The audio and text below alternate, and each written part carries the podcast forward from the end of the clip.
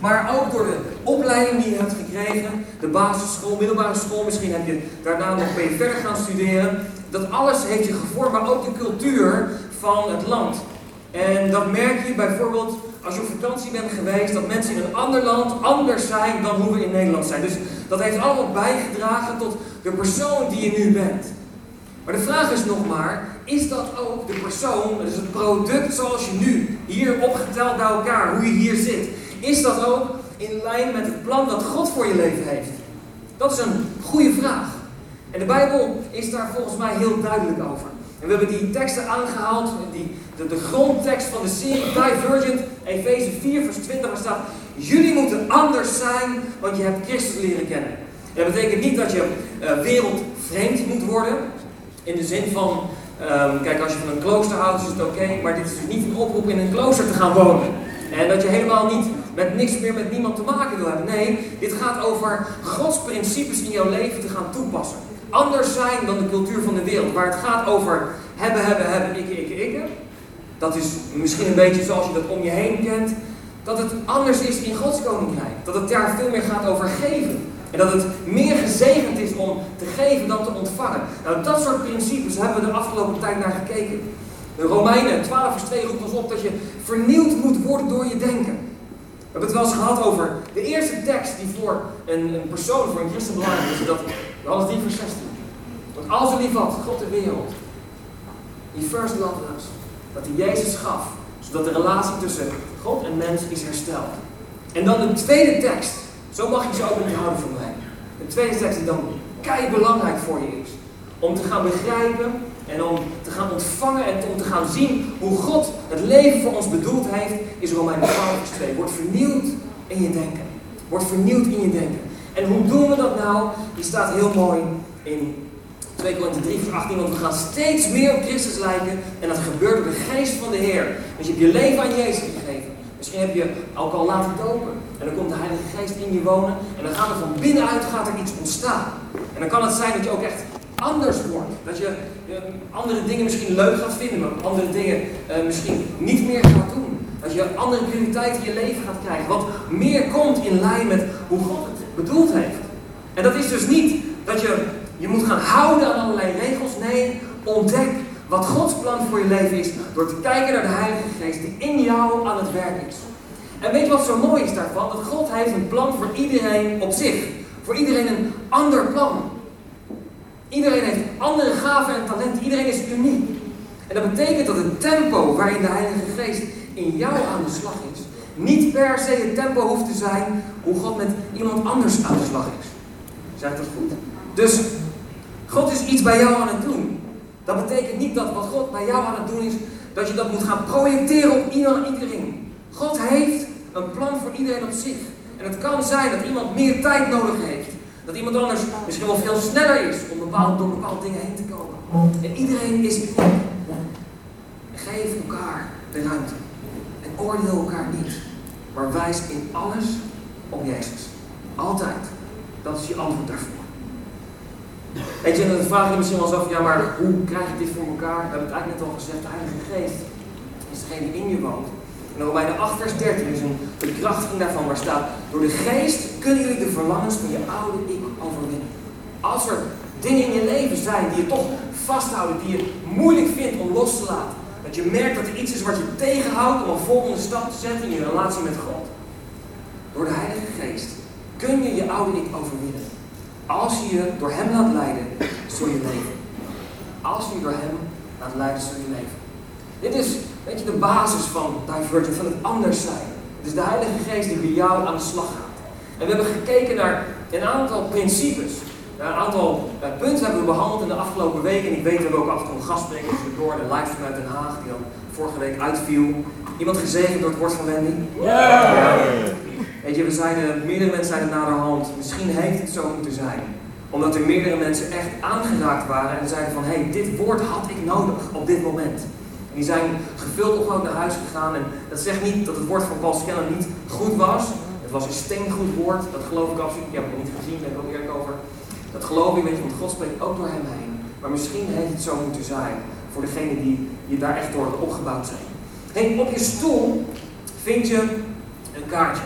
En het is een heel dik, stevig kaartje. En dit is, nu komt de aap uit de mouw, waarom we Divergent gestart zijn. Want de Divergent-serie is eigenlijk een, een, een inleiding van de waarde van ons als kerk. En je mag hem erbij pakken, je mag even meelezen. En aan de ene kant staan de vier dingen die we doen als kerk. Waar staat God persoonlijk leren kennen. Wij als kerk zijn er om mensen te helpen God persoonlijk beter te leren kennen. We zijn ervoor om mensen te helpen vrijheid te gaan ervaren. We zijn ervoor om mensen te helpen bestemming te ontdekken. En we zijn ervoor om mensen te helpen verschil te maken in hun leven. En dit, deze vier dingen, dat zijn de pilaren, zoals we het noemen, van als kerk. De reden van ons, van ons bestaan. En we zeggen als kerk heel vaak, vatten we samen in drie, zeggen we God vinden, vrijheid ervaren, verschil maken. Maak er even, even snel van. Maar op de achterkant staan de twaalf waarden van City Church. En deze vind je terug in de Divergent Preek-serie die we gehad hebben. Ze komen heel even op het scherm. Want de eerste preek, ik weet niet of je dat nog weet, All About Jesus, die mocht ik toen inleiden. Waar staat dat Jezus is centraal in ons leven. Divergent people, mensen die anders zijn, die de Heilige Geest, die God in hun leven hebben, die God op de eerste plaats zetten, die hebben Jezus centraal in hun leven. En ze helpen mensen om Jezus te volgen. De wereld kwam bij ons langs en die deelde de big change. Op het moment als je God in je leven toelaat, dan gaat er echt iets veranderen. We hebben het net al een klein beetje genoemd. Door de Heilige Geest ga je van binnenuit veranderen. En het derde is all about people. Benny heeft daar heel mooi toen iets over gedeeld. En daarin kwam our generous lives. Vrijgevig zijn. Dat is iets wat misschien wel haak staat op hoe we dat kennen in onze maatschappij. Waarbij we toch zeggen, ja, ik eerst en dan de rest. Maar waarbij bij God het vaak net anders is. Dat juist door vrijgevig te zijn, dat je gezegend wordt. En als we kijken op de volgende slide, dan komen de andere. We are family, daar gaan we het zo meteen over hebben. Our heart for the house. Daar staat nog één die we niet toegelicht hebben, omdat we dit Heart for the House hebben we al behandeld op Pinkster. Maar we gaan uh, laten echt geloven dat excellence een heel belangrijk, belangrijke sleutel is voor ons als kerk. Dat, echt, dat we het hebben toegevoegd als waarde. Want door excellence representeren we God. En dan gaat het niet over dat dingen perfect zijn, dat alles perfect in elkaar moet zitten, dat we nooit fouten mogen maken. Nee, dit gaat over dat we met wat we hebben het beste geven. Dat je het beste geeft met wat je op dit moment hebt. En Nederland houdt ervan om ook te zeggen dat we, het, dat, we het, dat, dat we het beste geven, maar dat we meer doen dan verwacht. Misschien ken je dat wel als je naar een hotel gaat en um, dat je misschien ver, verbaasd kan zijn over, weet je, je boekt een drie sterren hotel, Benny en ik, wij al op de terugweg ook, gingen naar het hotel toen we hadden geboekt voor de vakantie. En we kwamen naar binnen en dat we toch verbaasd waren. Het was slechts een drie sterren hotel. En dat het dan toch, dan toch zo goed uitziet. Dat is excellent. Daar gaat het over. En dat representeert God. Dat representeert God. En de laatste was Wired to Serve. Ik geloof dat we allemaal geroepen zijn om uh, niet alleen, ik zeg het verkeerd, ik geloof dat we allemaal gered zijn, maar ook geroepen. En zo staat het in de Bijbel. Dat we zijn gered, maar ook geroepen voor een heilige taak. Een heilige taak is iedereen een unieke roeping op je leven. Om iets te doen voor God. Om in zijn plan te gaan wandelen. De vraag is, ben jij beschikbaar? De Bijbel roept ons duidelijk op waar Jezus zegt, de oogst is groot. Er zijn zoveel mensen die God nodig hebben. Zoveel mensen. En de Bijbel leert ons dat de oogst, al die mensen zijn er eigenlijk klaar voor. Maar bid de Heer van de oogst om arbeiders. Dat is wat Jezus zegt. En tegelijkertijd lees je datzelfde stuk dat we behandeld. Waar Jezus mensen erop uitstuurt. Dus hij, ze baden ervoor, maar hij stuurde ook mensen erop uit. En ik geloof dat dat ook voor ons mag gelden.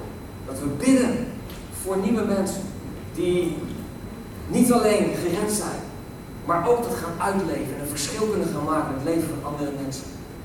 En tegelijkertijd stappen we zelf ook uit en gaan we zelf ook het verschil zijn. Ik geloof dat we er allemaal voor geroepen zijn. Hé, hey, dit kaartje, je mag hem meenemen, je mag hem in je portemonnee stoppen, je mag hem weggooien, wat jij wil. Maar hier staan de twaalf waarden van ons als kerk. Ik hoop dat het je meeneemt, want deze principes zijn niet alleen goed voor ons als kerk, maar ook voor jou in je persoonlijke leven. Je kan ze meenemen en uh, ja, kijk er goed naar. Doe er iets mee. Vandaag gaan we dus kijken naar de laatste in de serie van Diverging en dat is We Are Family. En als ik dat zo zeg, daar komt hij al. Ja. Nou goed, ik zal je niet vragen om dat allemaal met elkaar in kanon te gaan doen. Mag wel, maar nee, eh, laten we niet, uh, anders de mensen die nieuw zijn, weet je, die zullen denken, wat is dit? Oké. Maar we are family. En ik geloof dat we, als het gaat over divergent people, en we gaan er vandaag twee dingen behandelen, maar dat het zijn van familie een heel belangrijk onderdeel is van je leven. En voordat ik verder ga, wil ik een gebed uitspreken. En dan gaan we de Bijbel openslaan en gaan we kijken wat we kunnen leren. Lieve Jezus, dank u voor vandaag. En dank u Heer voor wie u bent. Dank u Heer voor de serie Divergent, waar we zoveel principes met elkaar delen uit uw woord. Over hoe u kijkt naar het leven. Dat we die principes mogen gaan toepassen, mogen gaan leren. En ik bid ook voor vandaag, Heer, als we met elkaar gaan hebben over We Are Family. Ik bid, Heer, dat we mogen ontvangen, Heer, hoe u kijkt naar gezin zijn, familie zijn. En hoe we met elkaar mogen omgaan. En ik bid, Heer, dat we echt uw hart hier doorheen mogen proeven. De liefde die u heeft voor mensen, in de naam van Jezus. En u weet, Heer, waar we zitten allemaal. Heer, hoe we staan in het leven, welke uitdagingen we hebben. En ik bid, Heer, dat u iedereen, niemand uitgezonderd, dat iedereen opgebouwd en gevuld naar huis zal gaan in de naam van Jezus. Amen. Amen. Hey, er zijn uh, een aantal teksten die ik met je wil delen. En um, ik wil beginnen met uh, Filippenzen 3, vers 17, waar staat een hele mooie vertaling: Stick with me, friends. Blijf bij me, vrienden. Keep track of those you see running the same course, headed for the same goal.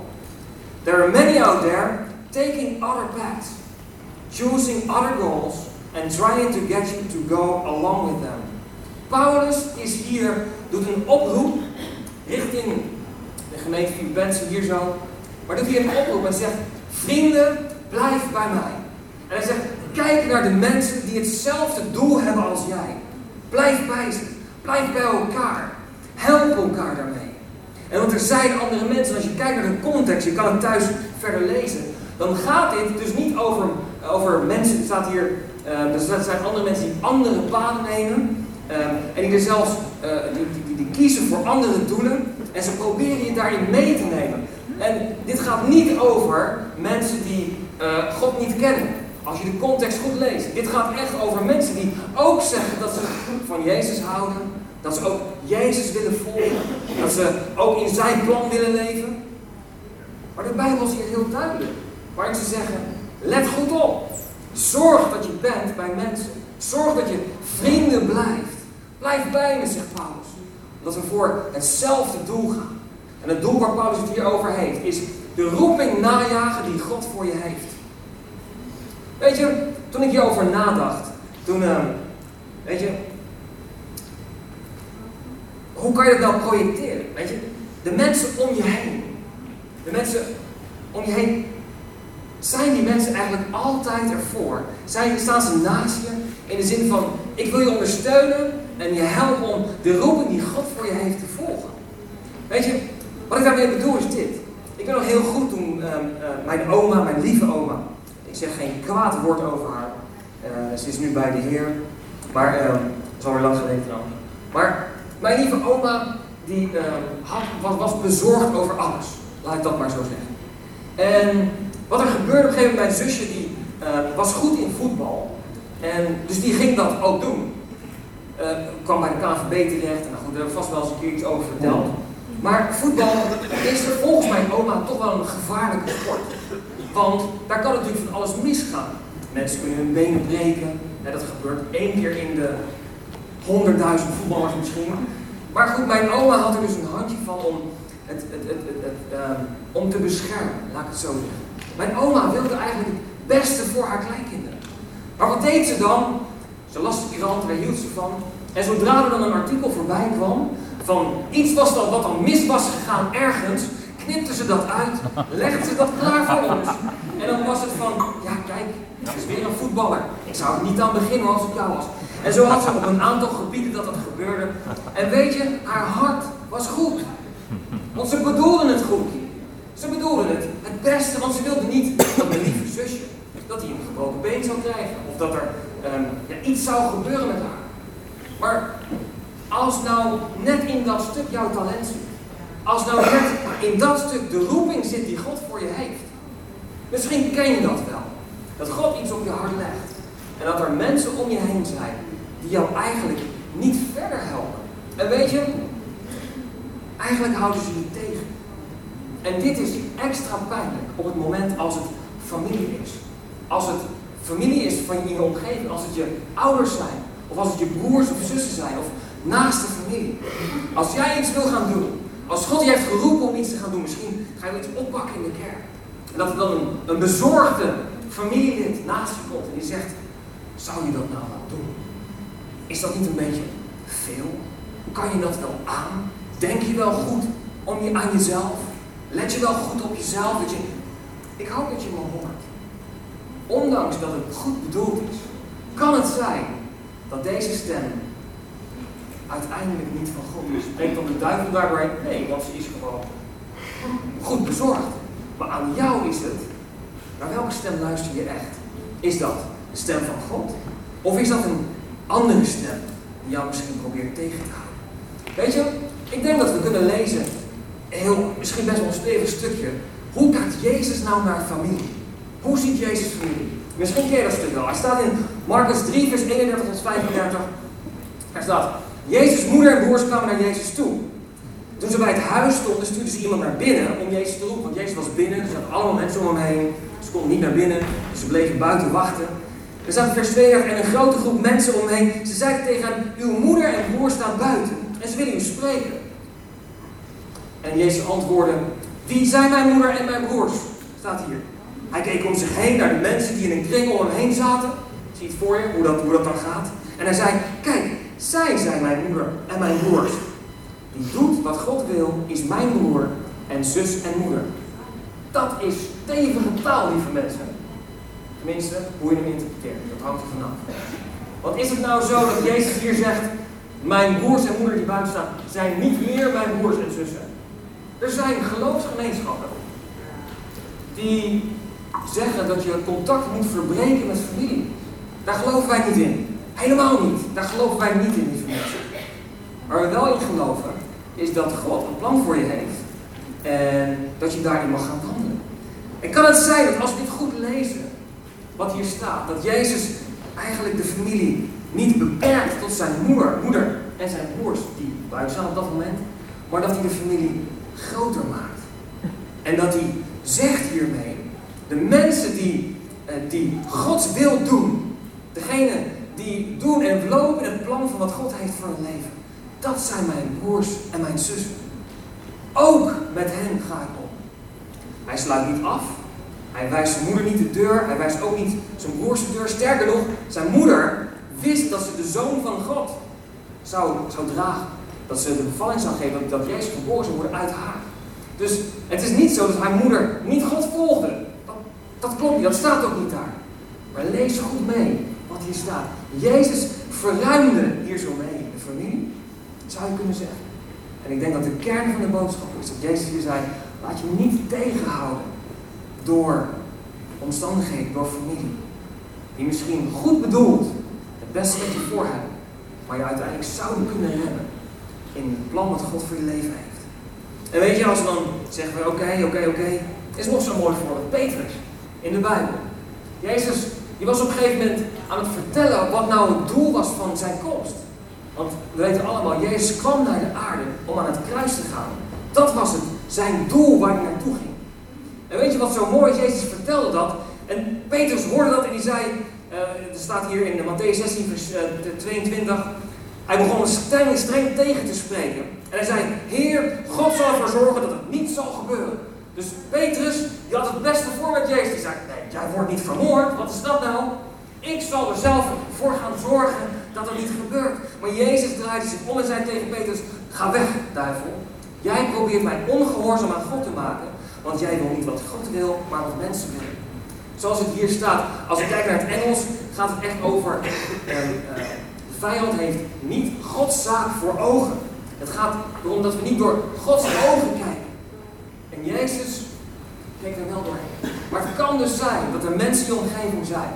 Het kan dus zijn dat goed bedoeld advies, of iemand die je probeert te beschermen voor iets, maar dat je uiteindelijk afhoudt van wat God voor je heeft. Nou, Jezus was heel radicaal. Hij zei, Satan ga achter mij. hoe Petrus zich voelde op dat moment. En nu ook 2000 jaar later sta ik hier op zondagochtend. Heb ik het weer over Petrus. Arme Petrus. Maar zoals het hier staat, hij is heel duidelijk en heel echt. En dan kijken we naar, hoe doe ik dat nou? Hoe ga ik nou al die familieleden, want als we hier naar kijken, zeggen, we zijn familie, God roept ons ook op om levende bouwstenen te zijn. We zijn deel van Gods huisgezin, staat in Efeze. We zijn eigenlijk één grote familie. Maar hoe ga ik dat nou inpassen in mijn leven? Ik bedoel, ik heb al genoeg te doen, toch? Hoe moet ik dat voor me zien? ik denk dat er een hele grote sleutel zit in, als ik het zo mag zeggen, in marge houden. Ik weet niet of het je gelijk aanspreekt, of je gelijk begrijpt wat ik bedoel, maar als je een papiertje uitprint, een A4'tje, ik weet niet of je dat wel eens uh, gedaan hebt, vast wel, uh, dan wordt er altijd gesproken over een marge. Dus de printer heeft marge. Misschien heb je wel eens een printje gemaakt dat mislukt is, waarbij de letters van het papier afvallen. En dat het dus onleesbaar is geworden, of dat het niet prettig is om vast te houden. Misschien heb je dat wel eens gehad, dat je een boek hebt, dat je het open doet, en dat de plek waar je duimen zitten, dat daar zo letters onder zitten. Dus dan moet je je duim op, dat, hier gaat het over. Het gaat over ruimte.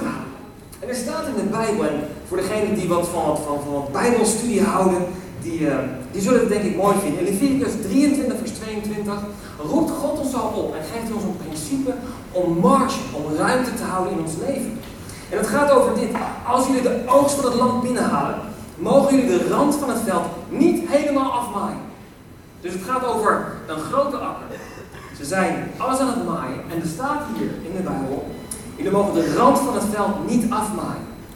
En wat van jullie oogst op de akkers blijven liggen, mogen jullie niet oprapen. Dat moeten jullie voor de arme mensen en de vreemdelingen laten liggen. Ik ben jullie Heer God. Hier geeft God de opdracht om ruimte te houden op de akker. Hier geeft God de opdracht om ruimte te houden, zodat ze niet alles weggeven, zodat ze niet alles meenemen, maar dat er ruimte overblijft om goed te zijn voor arme mensen in dit geval. Om goed te zijn voor vreemdelingen, zodat ze dat mee kunnen nemen, zodat zij daarvan kunnen eten. En die vraag is aan ons, hoeveel ruimte, hoeveel marge hebben wij ingebouwd in ons leven? En daarmee bedoel ik, als wij altijd 120% geven. He, je kent misschien die reclame wel van cupsoep. Ik weet niet of je die wel eens gezien hebt. Maar dat gaat er ook zo in, zo'n snelle manager. Die dan altijd 200% geeft. Weet je, dan is de vraag, hoeveel ruimte heb je dan nog over om flexibel te zijn, om een verschil te kunnen maken, om als een keer een vriend belt en zegt, yo bro, ik sterk doorheen, kan je voor me zijn? Weet je, kan je bij me langskomen, kunnen we samen bidden? Deze marge, deze ruimte, is ontzettend belangrijk. En niet alleen als het hier gaat over economische dingen, want dat, zo staat het hier. Het gaat veel verder. God heeft niet voor niets de zondagsrust ingesteld, als je dat zo mag zeggen. De Sabbat, zoals het in de Bijbel staat. En zeg ja, maar ik ben nieuw testamentisch. Klopt. Je hoeft ook niet, weet je, op zondag niks te doen. Maar het principe, want de Bijbel is duidelijk in het Nieuwe Testament waar staat, de Sabbat is er voor de mens en niet de mens voor de Sabbat. Het gaat over dat we rust mogen inbouwen in ons leven. Ontzettend belangrijk. En ook Jezus deed dat. Want er staat in de Bijbel dat Jezus zich regelmatig, en ik moet even bijpakken waar staat hij. Lucas 5 vers 16. But Jesus often withdrew to lonely places and prayed. Dus hier zie je dat Jezus regelmatig naar plaatsen toe ging, alleen, om alleen te zijn, waar hij ging bidden. Nou is hier heel leuk natuurlijk, want de vraag is, zou Jezus dan een introvert of een extrovert persoon zijn geweest? Dat is wel een dingetje om over na te denken, want extroverte mensen, die worden opgeladen door tussen mensen te zijn. En introverte mensen, die worden juist opgeladen door alleen te zijn. Nou, we gaan ervan uit dat Jezus perfect was in alles, hè? dus dat die introvert en gelijk was of iets. Maar de kern, zoals die hier staat, is heel belangrijk. Bouw marge in. Zorg dat je ruimte hebt. Je hebt misschien wel eens gehoord van de 80-20 regel. Dat je 80% um, uh, misschien vol kan bouwen, dingen kan doen. En 20% ruimte over kan laten om flexibel te kunnen zijn, om ergens op, op, op te kunnen inspelen. Ontzettend, ontzettend belangrijk. En weet je, de uitdaging zit erin dat de technologie, onze technologie, helpt ons er niet bij. Want aan de ene kant We hebben een mobiele telefoon waar we zoveel meer dingen mee kunnen doen. Je hoeft niet meer op papier dingen op te schrijven, je kan in je telefoon dat doen. Je hoeft niet meer achter een computer te zitten om het nieuws te lezen, kan je op telefoon doen. Je kan bellen, alles, uh, appjes, prima, je bent altijd overal bereikbaar. Maar tegelijkertijd is dat ook het grote probleem. Dat is ook het grote probleem, want dat, ding gaat maar af. Continu, je bent altijd bereikbaar. Wanneer heb jij je moment voor jezelf om rust te hebben?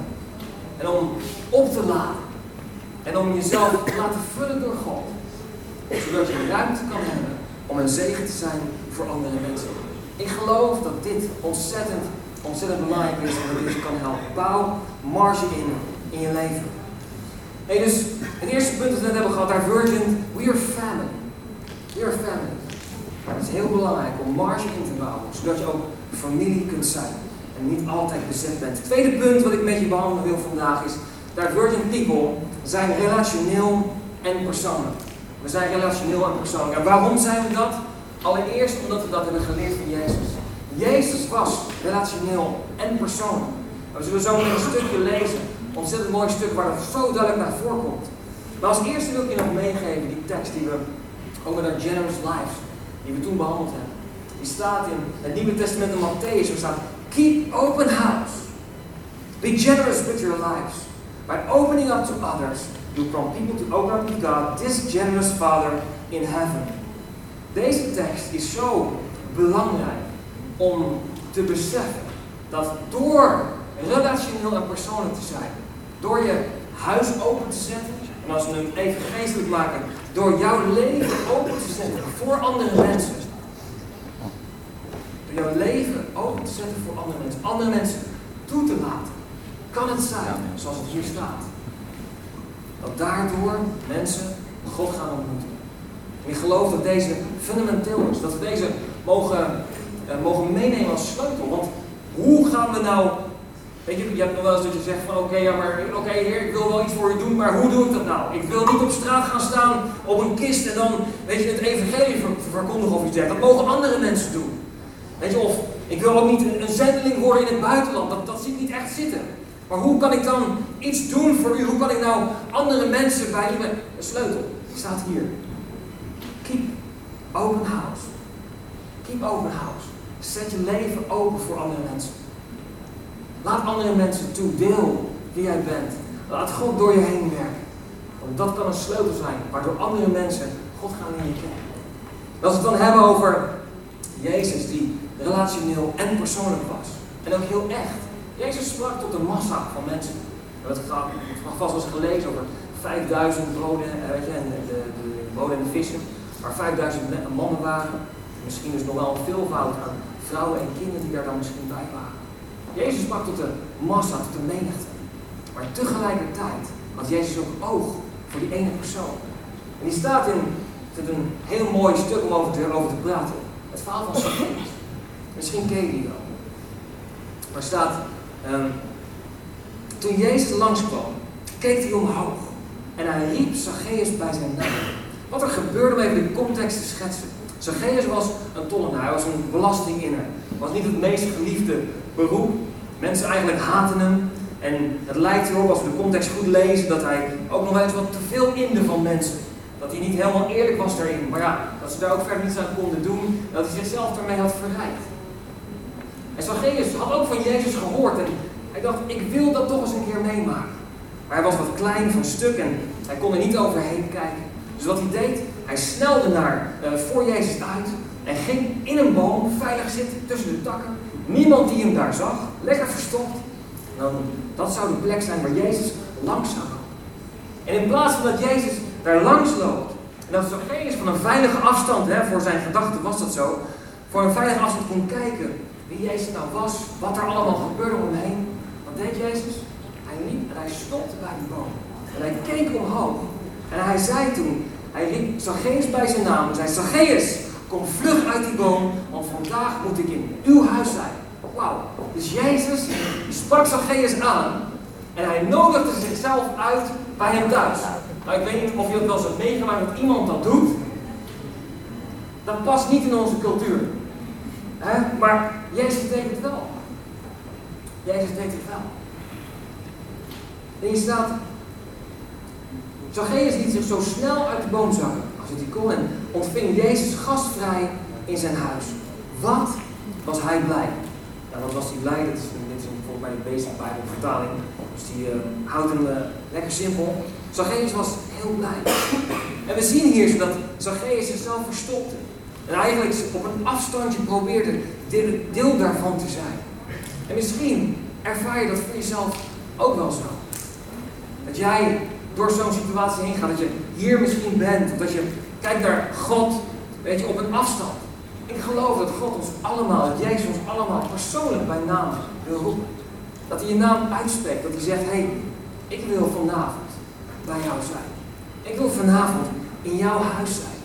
En als je hem doortrekt, Jezus wil bij jou komen wonen. En deel zijn van je leven. En het mooie is dat we zien dat Jezus was daar s'avonds bij. Mensen daaromheen snapten dat misschien niet helemaal. Maar Jezus zei, ik ben gekomen om degenen die verloren zijn te roepen en ze te redden. Dat is de reden waarom hij gekomen is. En we zien dat Zacchaeus had Jezus ontvangen. En dat Zacchaeus zei, Heer, ik heb u gezien. En direct daar gebeurde, er veranderde iets bij Zacchaeus. Hij had een ontmoeting gehad met Jezus. En hij zei, de helft van, mijn, van wat, ik heb, wat ik heb aan vermogen, dat geef ik aan de armen. En als ik iemand iets heb verkeerd uh, gedaan, als ik iets heb ontnomen van iemand, iets heb gestolen, dan geef ik hem viervoud terug. En Jezus reageert erop en zegt, vandaag is er redding gekomen in dit huis. Vandaag is er redding gekomen in dit huis. Weet je, het gaat er niet over dat Zacchaeus allerlei dingen gaf, maar we zien dat de verandering bij Zacchaeus kwam door Jezus. Jezus was in zijn huis gekomen. En door die persoonlijke ontmoeting Zacchaeus met Jezus veranderde Zacchaeus compleet. En werd hij gered. En ik geloof dat dat voor jou geldt, maar dat het ook geldt voor wie God wil zijn. Want het gaat over divergent people. Die God wil zijn door jou heen. Want weet je dat wij allemaal vandaag de dag Jezus mogen representeren hier op aarde. Dat Jezus in ons woont, door ons heen werkt. De Bijbel spreekt over dat wij zijn handen en zijn voeten mogen zijn. Wij mogen de stem zijn die Jezus wil, wil zijn in het leven van iemand anders. Wij mogen Jezus representeren. Wij mogen, en ik, ik gebruik wel eens het voorbeeld van een spiegel. Wij mogen een spiegel zijn van de grond. Maar een spiegel, lieve mensen, is misschien nog te beperkt. Want een spiegel reflecteert alleen maar. Maar ik geloof dat God door ons heen, in ons, een werk wil. Zodat wij een zegen kunnen zijn voor andere mensen. Zodat wij als Jezus kunnen zijn voor andere mensen. Maar door andere mensen gered zullen worden. En hem persoonlijk zullen. We zullen gaan staan en sluiten af. Ik wil ons team vragen om een moment te nemen. God aanbidden. En te reageren naar de persoon. Want misschien ben je hier. Zeg je ja, hey, ik hoor het allemaal. Ik wil wel verschil zijn voor andere mensen. Of kon ik maar verschil zijn voor andere mensen?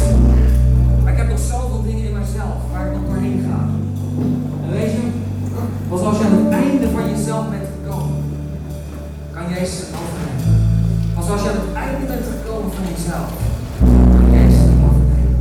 En misschien is jouw moment vandaag, hier op dit moment. Misschien is het jouw moment.